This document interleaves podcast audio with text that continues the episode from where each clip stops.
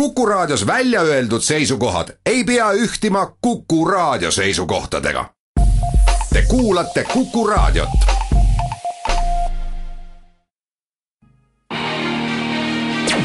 äripäev eetris. tere, head Kuku raadio kuulajad, alustab saade Äripäev eetris. stuudios on täna Äripäeva ajakirjanikud Kaisa Kabral, Ken Rohelaan ja Kadri Põlendik räägime täna LHV plaanist börsile tulla, äh, samuti pankade teemal jätkame küll mitte nii positiivses valguses, ehk siis äh, pankasid kimbutavatest maineprobleemidest, seejärel uurime, miks on militaaräri õitsema läinud ja kõige lõpuks jagame soovitusi, mida teha, kui koputab uksele võlgade väljapressija.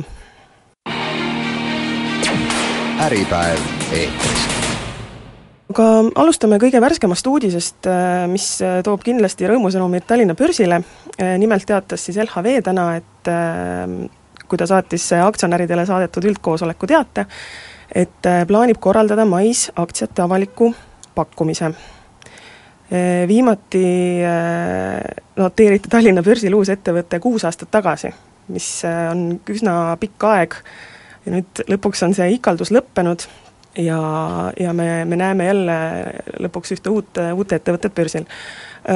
Ken ja Kaisa, mis teie arvate, et äh, kas, kas LHV tänane uudis äh, äratab lõpuks investorid unest ja, ja paneb börsi natukenegi elavnema? kas ta just nagu unest äratab, aga tõenäoliselt sellist äh, elevust toob mõneks ajaks, ma usun küll, et LHV on juba siin mõnda aega teinud eeltööd ja teavitanud, et tahame börsile minna ja, ja varsti hakkame minema ja kaks tuhat kuusteist on see aeg ja nüüd siis on siis selge, et maikuus tuleb. jah, tegelikult äh, see uudis äh, ei tule väga suure üllatusena, sest äh, möödunud sügisel LHV korraldas võlakirjade avaliku, võlakirjade avaliku emissiooni ja, ja juba siis ütles LHV Grupi juht Erkki Raasuk, et, et see emissioon on ettevalmistus selleks, et hakata tänavu suvel aktsiatega kauplema detailidest ka siis, et eh, LHV teeb aktsionäridele ettepaneku suurendada aktsiakapitali kuni kahe miljoni euro võrra eh, ja siis kuni kahe miljoni uue lihtaktsia väljalaskmise teel. ja aktsia väljalaske hind on muidugi üsna krõbe, see on kuus koma üheksakümmend viis eurot, mis on ligi seitsekümmend viis protsenti suurem, kui oli kaks aastat tagasi, mil tehti kinnine emissioon, ja siis oli aktsia hind kolm koma üheksakümmend viis eurot LHV põhjendas seda sellega, et ähm, et see märkimishind on ligikaudu kahekordne LHV raamatupidamislik väärtus pärast emissiooni. ja, ja väidetavalt on nad siis sarnaselt hinnatasemelt ka varem teinud äh, suunatud emissioone. et äh, mis, mis te arvate, kas teie ostaksite sellise hinnaga LHV aktsiaid? Ken, sina oled LHV klient. ma olen LHV klient olnud jah, mõnda aega, vist aasta-paar ja ma ise mõtlesin ka, et kui ma kuulsin nüüd LHV, LHV sellisest võimalusest aktsiaid osta seal, et et nagu kiusatus on oma pank, eks ole, selles mõttes nagu Eesti oma pank ja ja samas ise oled klient, et noh, kui sa juba klient oled, siis iseenesest usaldus on selle kohta. no pluss oleks päris äge öelda, et äh, ma oman panka ja, ja noh, selles mõttes jah, et null koma null null null null null protsenti. jah. ma arvan, et äh, ma tahaks kindlasti seda asja lähemalt uurida. et kui juba kiusatus on, et siis tahaks teada natuke täpsemalt, et et mismoodi see aktsiate ost mulle hakkaks kasu ka tooma, et ma ei tahaks lihtsalt äh, raha sisse panna selleks, et et ta seisaks seal ja, ja tõenäoliselt siis pärastpoole hakkaks väärtust kaotama, aga noh, tõenäoliselt ka LHV ise ei mõtle sellele, et äh, et nad lähevad kaotuste plaanidega börsile. Tegelikult mina ei ole ise aktsiaid väga aktiivselt ostnud, aga aga te ise käisite välja ka siin selle, et ikka eestimaine pank ja et tahaks ikka, ikka omada või, või, või saada aktsiat, et LHV puhul on nagu väga huvitav ka see, kuidas nad on just sedasama argumenti, eestimaine pank, äh, väga hästi osanud äh, absoluutselt igas tegevuses ära kasutada. et see, kui mina ei osta mis iganes põhjustel, siis äh, ma arvan, et see argument töötab väga paljude puhul, kes ostavad. et tegelikult jah, et hind on soolane, aga eks näis, jah et tegelikult LHV-l on ju ka väga hästi läinud äh, viimasel ajal, ähm, eelmise aasta tulemustest rääkides, siis äh, nad teenisid äh, neliteist koma kaheksa miljonit eurot puhaskasumit, mis on siis üle viie miljoni euro rohkem kui, kui aasta varem, ja, ja klientide arv neil ka kasvab märkimisväärselt, et näiteks ärikliente tuli neil möödunud aastal, või ütleme, äriklientide arv kasvas möödunud aastal viiskümmend üks protsenti. Ja, ja ma pean tunnistama, et ma isegi olen juba pikka aega mõelnud sellele, et vahetaks kodupanka ja koliks, koliks oma tegevuse LHV-sse. et selles mõttes LHV-l minu meelest on kahtlemata eestlaste seas väga hea maine. tõenäoliselt neile räägib kasuks ka see, et et pank ise ju kasvab ettevõttena hästi, kasumit toodetakse ja, ja kliendibaas suureneb, kaasa aitab see leping või ütleme, see koostöö ka TransferWise'iga annab sellist äh, laiema haardega nagu maailma mõistes just äh, mainet juurde. ja tõenäoliselt ka sellised äh, noh, kuidas me ütlemegi mm,, seisva raha kasutamisvõimalusena on see on see üks, üks hea variant. me, me näeme, kuidas ühisrahastusse, eks ole, tahetakse kogu aeg siseneda ja ja siin viimaste projektide puhul, mis, mis läbi käinud, et põhimõtteliselt loetud minutitega täidetakse eesmärgid. kui nüüd selline hind peaks ka tulema näiteks LHV puhul, siis ma arvan, et olenemata sellest hinnast, mis praegu võib tunduda krõbe, siis tegelikult äh, ma usun, et neid potentsiaalseid inimesi, kes tahavad osta, kes tahavad neid märkida seal, neid leiab no just, et äh, see ühisrahastuse teema ongi huvitav, äh, sellest on ju näha, et, et äh, inimestel justkui raha on või, või noh, et see raha vedeleb nii-öelda maas, seda ei osata kuhugi panna ja, ja palju on juttu olnud ka sellest, et, et raha seisab hoiustel, mis tähendab seda, et, et iseenesest vahendeid aktsiate ostmiseks võiks ju olla. ja pank iseenesest siiamaani näitab ennast kui usaldusväärse organisatsioonina nad suudavad oma seatud plaane, eesmärke täita. Ja üldiselt see börsile minek ju suurendab veel ettevõtte avatust, et äh, avalikud aktsionäride koosolekud, erinevad teated, et LHV on siiani küll ka suhteliselt avatud pank võrreldes võib-olla mõne teisega olnud, aga, aga imidžile ja, ja sellisele avalikkuse kuvandile tuleb see kindlasti kasuks jah, kuni äh, sel-, selliste väikeste asjadeni välja, et, et erinevalt teistest äh, Äh, suurpankadest ei ole LHV-s igasuguseid väikseid teenustasusid ja, ja noh, üleüldse nad veel ei ole noh, jah, eks näis, mis tulevik toob.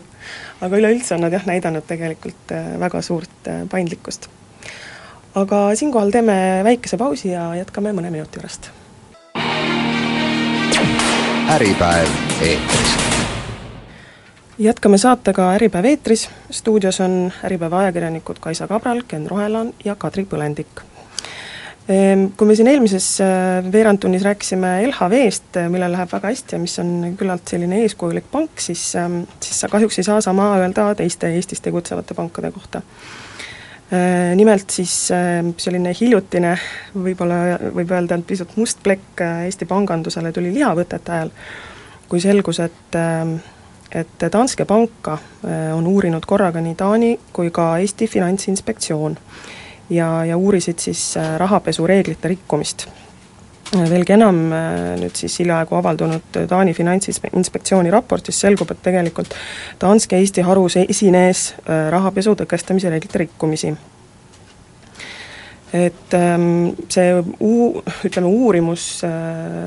või panga tegevuse uurimine algas juba kahe tuhande neljateistkümnendal aastal, kui Eesti, kui siis Eesti Finantsinspektsioon äh, tegi ka kohale niisuguse põhjaliku kontrolli ja, ja, ja siis tegi ettekirjutuse, aga ja, ja selle ettekirjutuse järel äh, poolteist kuud hiljem siis Aivar Rehe lahkus ametist, Aivar Rehe siis äh, toonane Danske pank, panki juht. kas need olid nüüd omavahel seotud, seda me ei tea, aga, aga Äripäevale antud intervjuus äh, Äh, kinnitas Aivar Rehe, et, ähm, et kuigi ta Eesti Finantsinspektsiooni uurimisest oli teadlik, siis, äh, siis Taani, Taani omast mitte ja, ja tema kinnitab, et et ütles lausa, et ta paneb käe südamele, et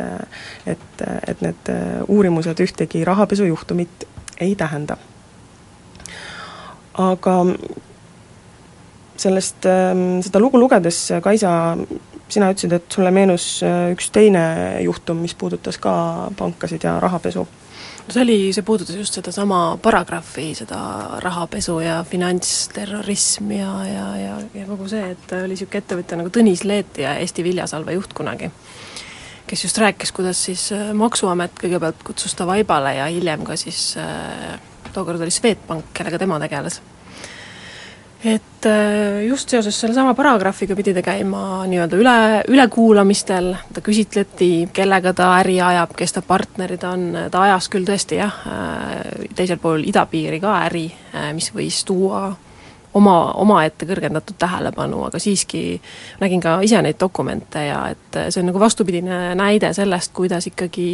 ikkagi väga tõhusalt kontrollitakse neid paragrahve ja neid punkte ja ja ta ise tookord, äh, Tõnis Leetja rääkis sellest ka, kuidas see nagu emotsionaalselt äh, võttis väga läbi, see, et sa pead lihtsalt kogu aeg tõestama, et sa ei ole pätt, et sa ajad ausat äri, sa tahad lihtsalt, et ettevõttel läheks hästi, aga et kogu aeg küsitakse uusi dokumente, viidates just sellele samale paragrahvile. et see on nagu niisugune mündi, mündi teine pool veidi jah, see kontroll on kindlasti kahtlemata tänuväärne, et seda tehakse, sest, sest loomulikult on see teema, millel peab silma peal hoidma, aga aga samamoodi eks, eks sellega noh, see, sellesse tuleb suhtuda nagu mõistlikult, et tõesti iga ettevõtja ei saa, ei ole tingimata pätt keda seda, seda küll jah, mulle meenus veel, äh, sa ennem mainisid, et äh, Aivar Rehe just, et äh, noh, et see tema lahkumine ja ettekirjutus, et see vahe oli vist poolteist kuud mm. -hmm. et ma mäletan, ma tegin tegelikult Aivar Rehega veel enne, veel enne tänast Äripäeva intervjuud ühe intervjuu, kui ta siis pangajuhi ametist ise lahkus, et ähm, et siis ta mainis ka, et ta tahaks kohe finantssektoris jätkata, et see on tema teema, tema maa. aga miskipärast ei saa, et ma nagu kuidagi niisugune küsimus jäi nagu tookordki õhku, et ma ei pane mingit silti külge, aga aga ma arvan, et ega need küsimused nagu enne rahu ei saa, kui ta ise mingid asjad võib-olla välja ütleb või, või keegi kuskil välja ütleb, et mis siis tegelikult nagu juhtus? no ta-, tavaliselt vist on ikkagi nii ka olnud, et äh, kui finantssektorist hakkavad ära minema, et siis pannakse selline pehmelt öeldes ähm, piirang peale, eks ole, et sa ei saaks konkurendi juurde kohe minna mm -hmm. ja, ja selliseid saladusi, noh, seda, seda küll, aga vaatamata sellele ja, on ja. ikkagi see teine küsimus ka, et, et kas see, kas see on tõesti nagu nii väike kokkulangevus või või on seal mingi seos, seda ei tea igatahes ta tekitab küsimusi. tekitab küsimusi, jah. jah, kahjuks välistada. jah, et äh, me võime siin spekuleerida igasuguste asjadega, aga kahjuks me jah, vastuseid veel ei tea. no muidugi see Danske, Danske juhtum äh, on praegu siis äh, ütleme, Danske, laiemalt Danske Gruppi puudutav uurimine ja sellega seotud materjalid on siis Taani finantsinspektsioon andnud edasi politseile, et, et uurida pangareeglite rikkumisi, et ähm, eks siis eks siis võib-olla sealt kuuleb midagi, kuigi jah, tõsi, see puudutab kogu grupi uurimist ja, ja Taanis, aga no kindlasti on see korralik äh, löök ikkagi panga mainele, et mis, mis iganes seal on või ei olnud, aga, aga noh, mainekahju on kindlasti jah, Äripäev äh, täna kirjutab ka juhtkirjas sellest, et, äh, et see heidab varju tegelikult ka Eesti panganduse mainele, mitte ainult siis üksi, üksi Danske pangile. sellepärast, et, äh, et noh, et kes oleks seda arvanud, et, et läbi Eesti võidakse raha pesta. kuigi otseselt muidugi seda ei väideta, et nii on olnud, aga, aga see kahtlemata tekitab, tekitab küsimusi et siin juhtkirjas tõime ka näiteks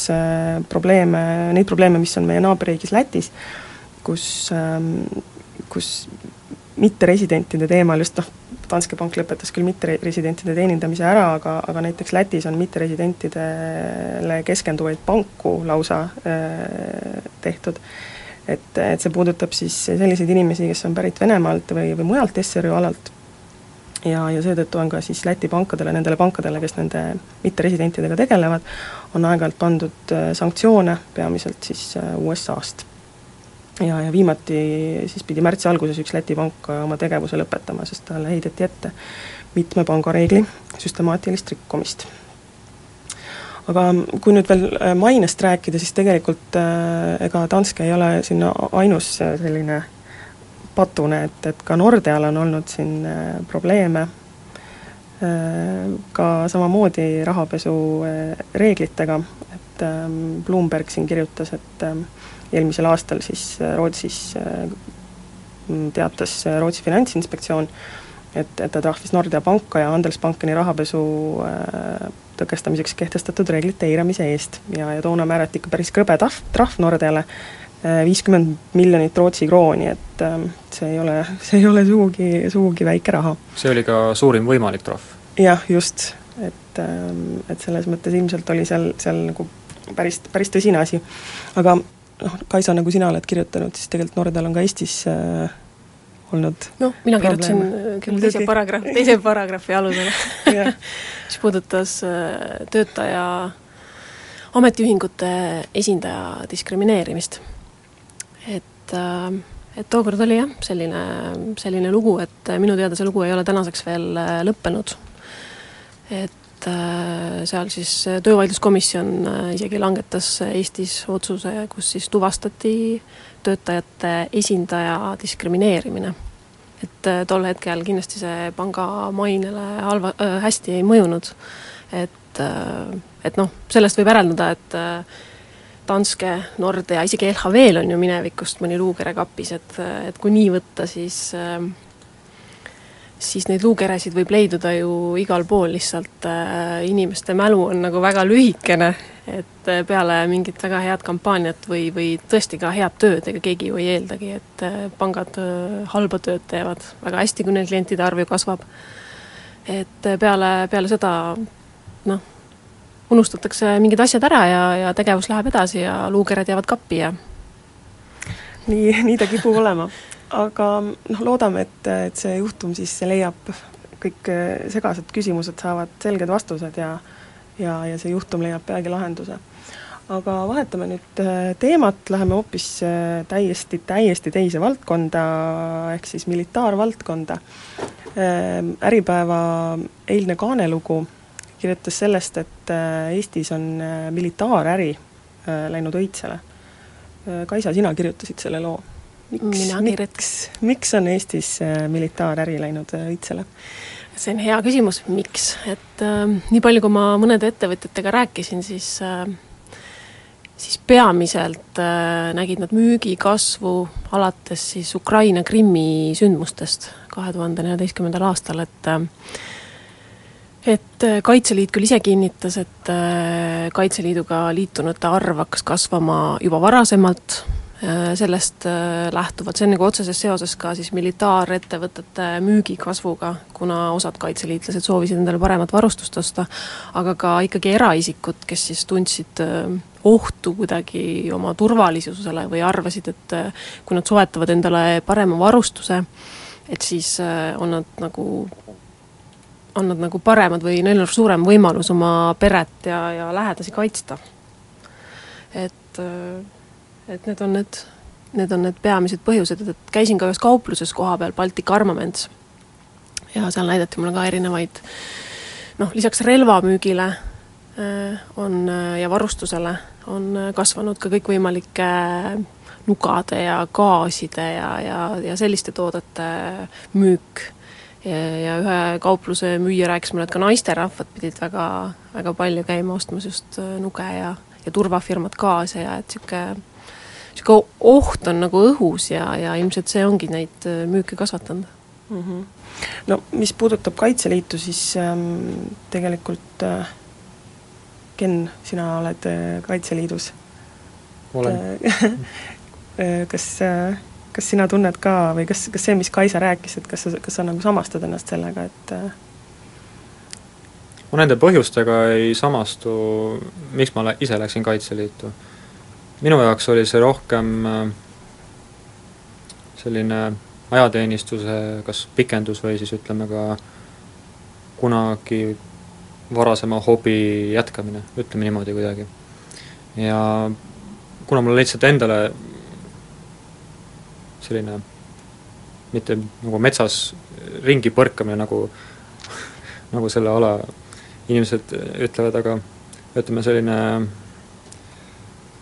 selline militaarteema, metsas käimine, need õppused, need inimesed, et äh,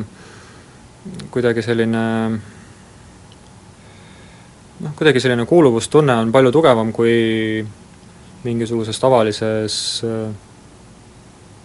ma ei tea, näiteks jalgpallitrennis. äripäev eetris. Jätkub saade Äripäev eetris, Kuku Ruu toimetuses on Äripäeva ajakirjanikud Kaisa Kabral, Ken Rohelaan ja Kadri Põlendik. ja parasjagu räägime siis sellest, et Eestis on militaaräri läinud õitsema, mis tuleneb sellest, et palju inimesi on liitunud Kaitseliiduga Ken, kes on siis ka Kaitseliidu liige, sa ütlesid siin vahepeal meile, et sa oled erandlik liituja. Mida ja. sa sellega mõtlesid? ma mõtlesin seda tõenäoliselt nii, et kui ma ise läksin pigem sinna sellise nagu hobi korras või ütleme, lihtsalt aja veetmise korras, siis äh, paljud, kellega ma siiamaani olen suhelnud ja, ja küsinud, et miks nemad tahtsid just tulla praegu, vastatakse, et kas, äh, kas Ukraina näiteks, need sündmused või lihtsalt selline ohutunde suurenemine pani neid mõtlema, et nad tahaksid ka kuidagi panustada Eesti riigi kaitsesse või siis kuidagi enda kaitsesse, oma pere kaitsesse, nad näevad seda Kaitseliitu lihtsalt ühe väljundina. mõnede olijate käest, kes on näiteks paar aastat juba olnud, nemad samamoodi toovad välja selle ohutunde või siis äh, mingi sündmuse, mis suurendab seda ohutunnet, on suurendanud ohutunnet. Gruusia sündmused näiteks. et, et samamoodi mingisugused olulised, olulised sündmused, mis võivad ka kuidagi mõjutada Eestit või Eesti lähinaabreid, on, on enamasti seotud Venemaaga ja noh, ikkagi sealt see ohu, ohutunnetus suureneb siis, hakatakse, hakatakse mõtlema, et, et äkki ma saan ka midagi teha enda kaitseks või kuidagi aga kas ähm, need inimesed, kellest sa räägid, kes tajuvad seda ohtu, et, et kas, ähm, kas seal on ka võib-olla sellist äh, natuke mit-, mitte nii suurt usaldust äh, Eesti enda ütleme, kaitsejõudude või, või, või, või noh, erinevate niisuguste kaitsvate organite suhtes? pigem mitte, ma arvan, et see on selline käsi külge mentaliteet, et et mõni lihtsalt ütleme, istub reede õhtul või laupäeva õhtul kodus ja ja, ja siis äh, tunneb mingi hetk, et, et tahaks midagi teha, eks ole, et siis ma lähen, ma ei tea, lähen Kaitseliitu, vaatan, mis nemad seal teevad ja siis tõenäoliselt tulebki välja, et neile hakkab see millegipärast meeldima mm. -hmm. no Kaisa siin rääkis enne, et ähm, et on miks on militaaräri läinud õitsele, on see, et ostetakse äh, varustust ja, ja ka kaitseliitlased tahavad paremat varustust, et et kas tegelikult Kaitseliidus ju jagatakse koha peal ka mingisugune varustus välja, aga see lihtsalt siis ei ole nii hea või? kaitseliit ise ütles, et nende varustus on äh, okei okay. ja et ei ole seal nagu suurt häda midagi, aga, aga eks igal inimesel on oma soovid ja ja, ja oma, omad huvid, et eks see ongi see eesmärk, miks siis ostetakse võib-olla endale sobivamat varustust, on võib-olla korrektsem öelda.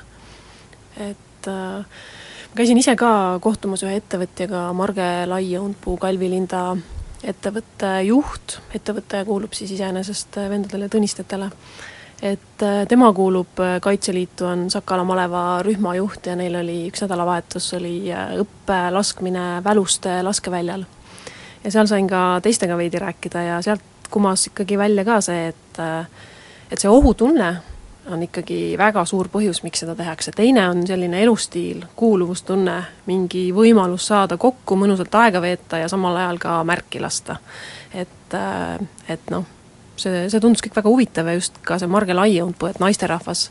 käib äh, relva, relvaga nii-öelda siis äh, märki laskmas. muidu seda seda sinu külastust sinna, sellest on meil ka video tehtud ja. Äripäeva veebi, et seda ma soovitan kindlasti kõigil kuulajatel pärast vaatama minna aga mis, mis oli veel huvitav seda lugu tehes, oli see, et äh, ma vaatasin, et äh, ka relvaomanike arv on Eestis kasvanud, kui vaadata ka erinevat statistikat, mida siis politsei jagas. et, äh, et ma tahtsingi tegelikult Kenni käest küsida, et Ken,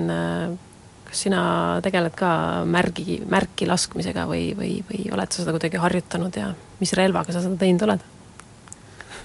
no kaitseliitlastele seatakse ka ikkagi kohustused, nõuded ja tegevliikmed ikkagi läbivad relvaõppe, teevad eksami ja siis neile määratakse tavaliselt äh, relv, millega nad saavad käia õppustel, saavad käia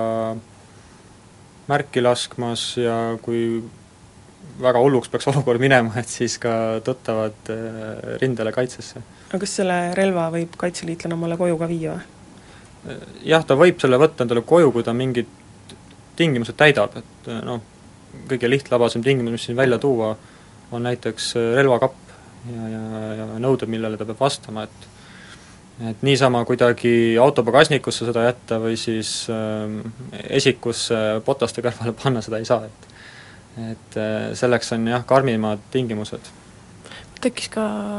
seoses selle looga, ma rääkisin äh, Tõnu Tõnistega ja, ja tema rääkis relva omamisest, ütles, et temal on relv, relvaluba ja et et see on täiesti okei okay,, kui inimestel on äh, relv kodus, et mida, mida teie arvate sellest, kui järjest rohkem inimestel oleks äh, kodus relv, relvakapis küll, aga siiski? nojah, minul tekib see üleüldse küsimusi, et, et relvaomanike arv kasvab, et miks, mi-, milleks, et või noh, et mis, mis see siis annab, et kas, kas tõesti on nagu kindlam tunne, kui sul on kodus on relv, ma ei tea, padja all, et, et kas, kas siis on kuidagi nagu turvalisem olla? kaitseliitlase seisukohast lihtsalt äh, relva kodus hoidmine annab äh, parema reageerimiskiiruse. et äh, kui võtta lihtsalt tava, tavainimese vaatepunktist, siis ähm, mina näiteks endale relva koju ei võtaks,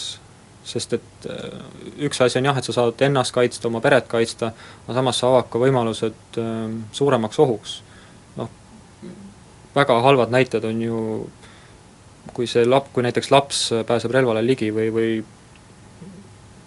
halvemal juhul ka murdvargad tulevad sulle korterisse ja nad avastavad, et sul on seal relv ja sul on ka näiteks laskemoon. et tulirelvadega see, see oht on ikka tegelikult olemas, külmrelvade puhul võib-olla ma arvan, et seda ei ole. nii palju vähemalt ei ole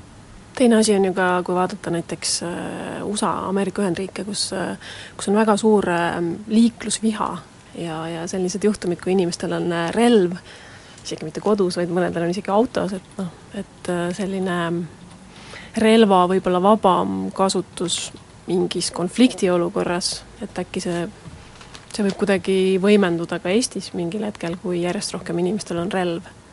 mis sest, et eestlased on küll äh, pikaldasemad, kaalutlevad, ei ole nii temperamentsed, aga aga just seda, seda lugu kirjutas, ma lugesin kommentaare ja keegi seal mainis, et et päris hirmus oleks olnud näiteks aprillirahutuste ajal, kui äh, paljudel inimestel oleksid relvad kodus olnud, et äh, et kes teab, mis või oleks võinud juhtuda? Ähm, Ameerikast rääkides, siis mul meenus üks, ähm, üks graafik, mida ma nägin ähm, mõni aeg tagasi, või noh, tegelikult eelmisel aastal äh, CNN-is, äh, kus siis oli mm, kokku koondatud see, et kui palju on ameeriklasi äh, surma saanud terrorismist, terrorismi tõttu, ehk siis mingisuguse terrorismikuriteo tõttu. ja siis võrdluseks, et kui palju on ameeriklasi hukkunud relva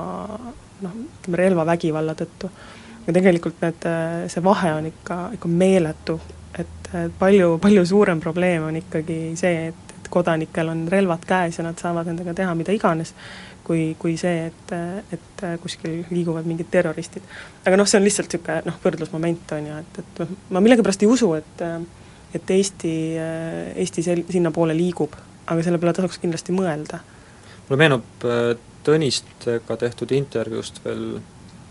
kuidas tema kirjeldas üheksakümnendate algusi.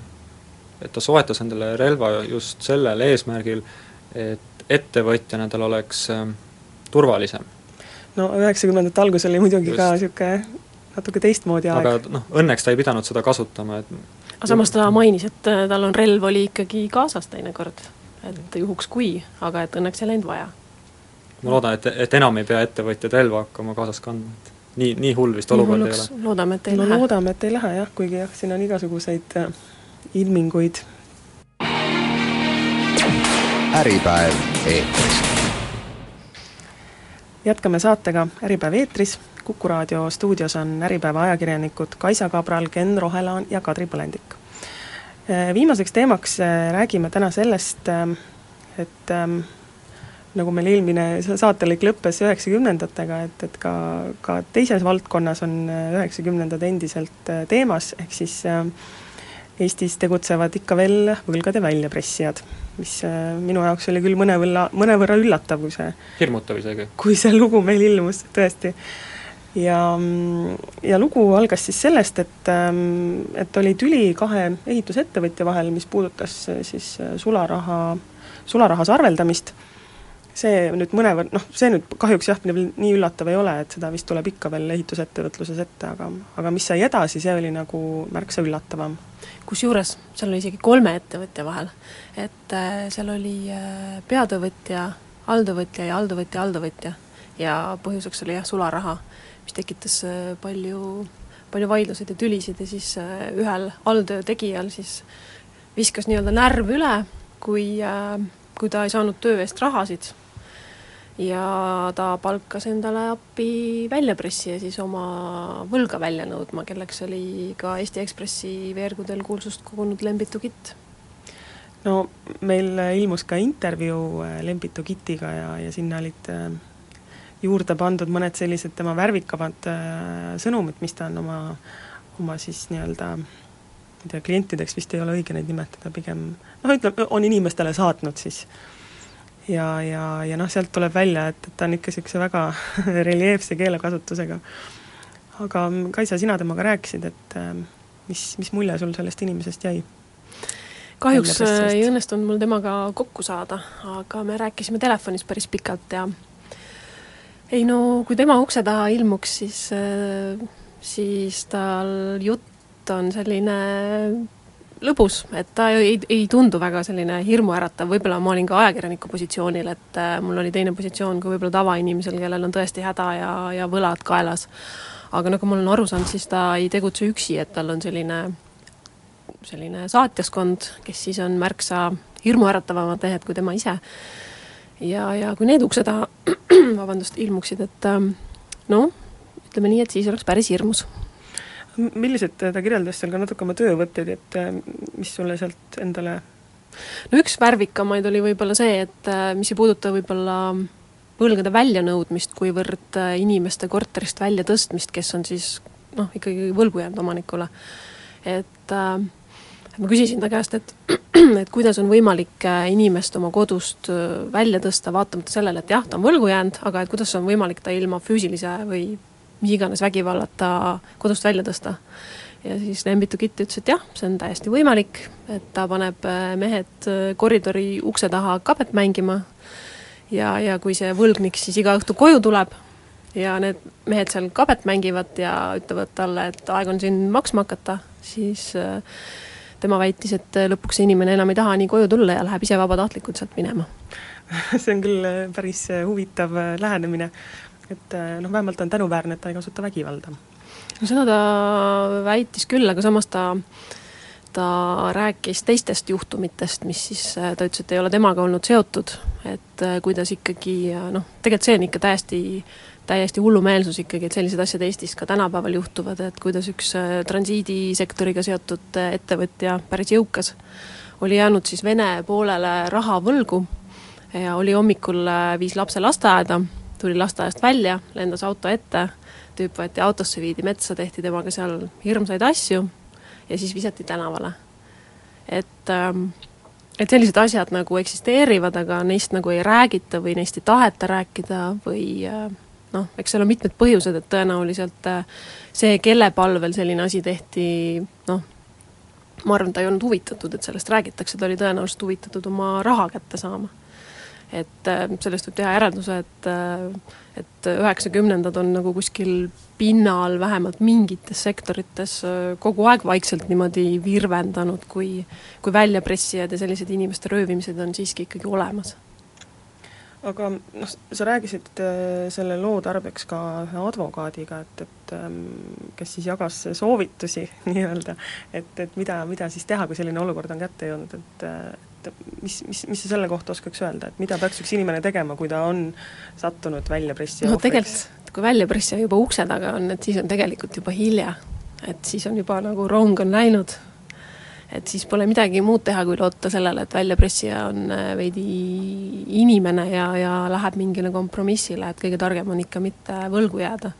ja mitte teha äri äh, kahtlaste äripartneritega. et advokaadid väga küll ei taha nagu väljapressita teemal rääkida, kuna kuna nemad äh, tegelevad pigem siis seaduslike vahendite piires inimeste siis aitamisega võlgnevuste kättesaamisel, väga pikk lause aga, aga et mida nad välja tõid, et üldse nagu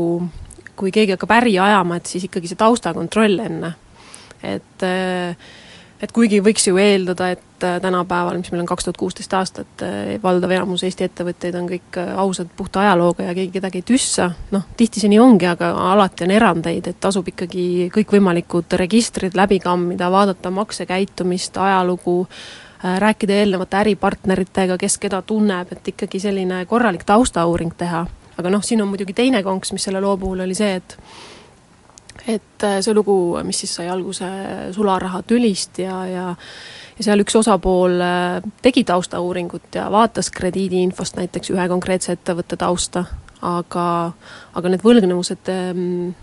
need võlavaidlused, mis siis õigemini üleval olid, äh, need pooleliolevad vaidlused krediidiinfo ei kajastanud. Ja miks ta ei kajastanud? noh, see on juba teine pikem teema ja sellest tuleb varsti uus lugu, aga aga, aga seal on jah see, et kui üks pool väga kõvasti nagu vastuargumente esitab äh, võla nagu kaitseks, siis et me ei ole võlgu, meil on vot need, need põhjused, siis äh, krediidiinfo mingitel juhtudel ei pane seda ülesse. et, äh, et noh, see on näide sellest, et tasub rääkida ikkagi ka inimestega, et andmebaasid on üks, aga, aga sõna maksab rohkem, ma arvan aga kas ähm, ütleme, sul selle loo näitel või, või Lembitu Kitiga suheldes, et kas sul on äh, ka mingisuguseid ähm, soovitusi või, või või, või näpunäiteid või nõuandeid ähm, nendele ettevõtetele, kes, kellele on võlgu jäädud ja kes mõtlevad, et et tõesti inkassost ei ole enam abi, et, et tuleb minna mingisugust kahtlasemat teed pidi? no kindlasti ei tasu äh, koostööd hakata tegema väljapressijaga, et äh, see toob, see võib tuua ka nii-öelda siis sellele töö tellijale ka mis iganes äh, kriminaal või muu karistuse kaela. et see võib olla mingi, mingis osas vanglakaristus, see võib olla mingis osas rahatrahv, aga et see ei ole kindlasti seaduslik. et Lembitu Kitt küll ise väitis, et äh, kui inimene on võlgu, et siis on ju igati õige minna tema käest see võlg välja nõuda, et ei ole ju noh, et see ei ole nagu õige, kui keegi kellelegi võlgu jääb ja, ja selles osas ma olen temaga isegi nõus, on ju, aga et äh, tellida siis kellelegi väljapressija ukse taha teadmata äh, noh, alati on igal mündil on kaks poolt, et äh, ma ei pea seda õigeks, jah. et, et see on nagu, see on see tee, sealt ei ole nagu väga lihtne nagu tagasi tulla, et Lembitu Kitt tõi küll välja veel sellise näite, et et osad võlgnikud siis, äh, kes on raha, rahasummasid äh, võlgu jäänud, aga kellel ei ole raha maksta, et siis ta leiab neile isegi töö ja, ja siis kirjutatakse sinna palgasummasse sisse teatud protsent, mis siis läheb otse sellele inimesele, kellel võlgu ollakse. et noh jah, huvitavad lahendused, aga noh, mida nüüd võib siis selle saate kokkuvõtteks öelda, on see, et äh, inimesed, eelistage seaduslikke vahendeid, nii pangad kui ka tavainimesed kui ka ettevõtjad, see on igal juhul mõistlikum, kui, kui hakata sahkerdama siin mingisuguste muude tegelastega. aga sellega me tänaseks lõpetame ja nädala pärast oleme jälle eetris Äripäev eetris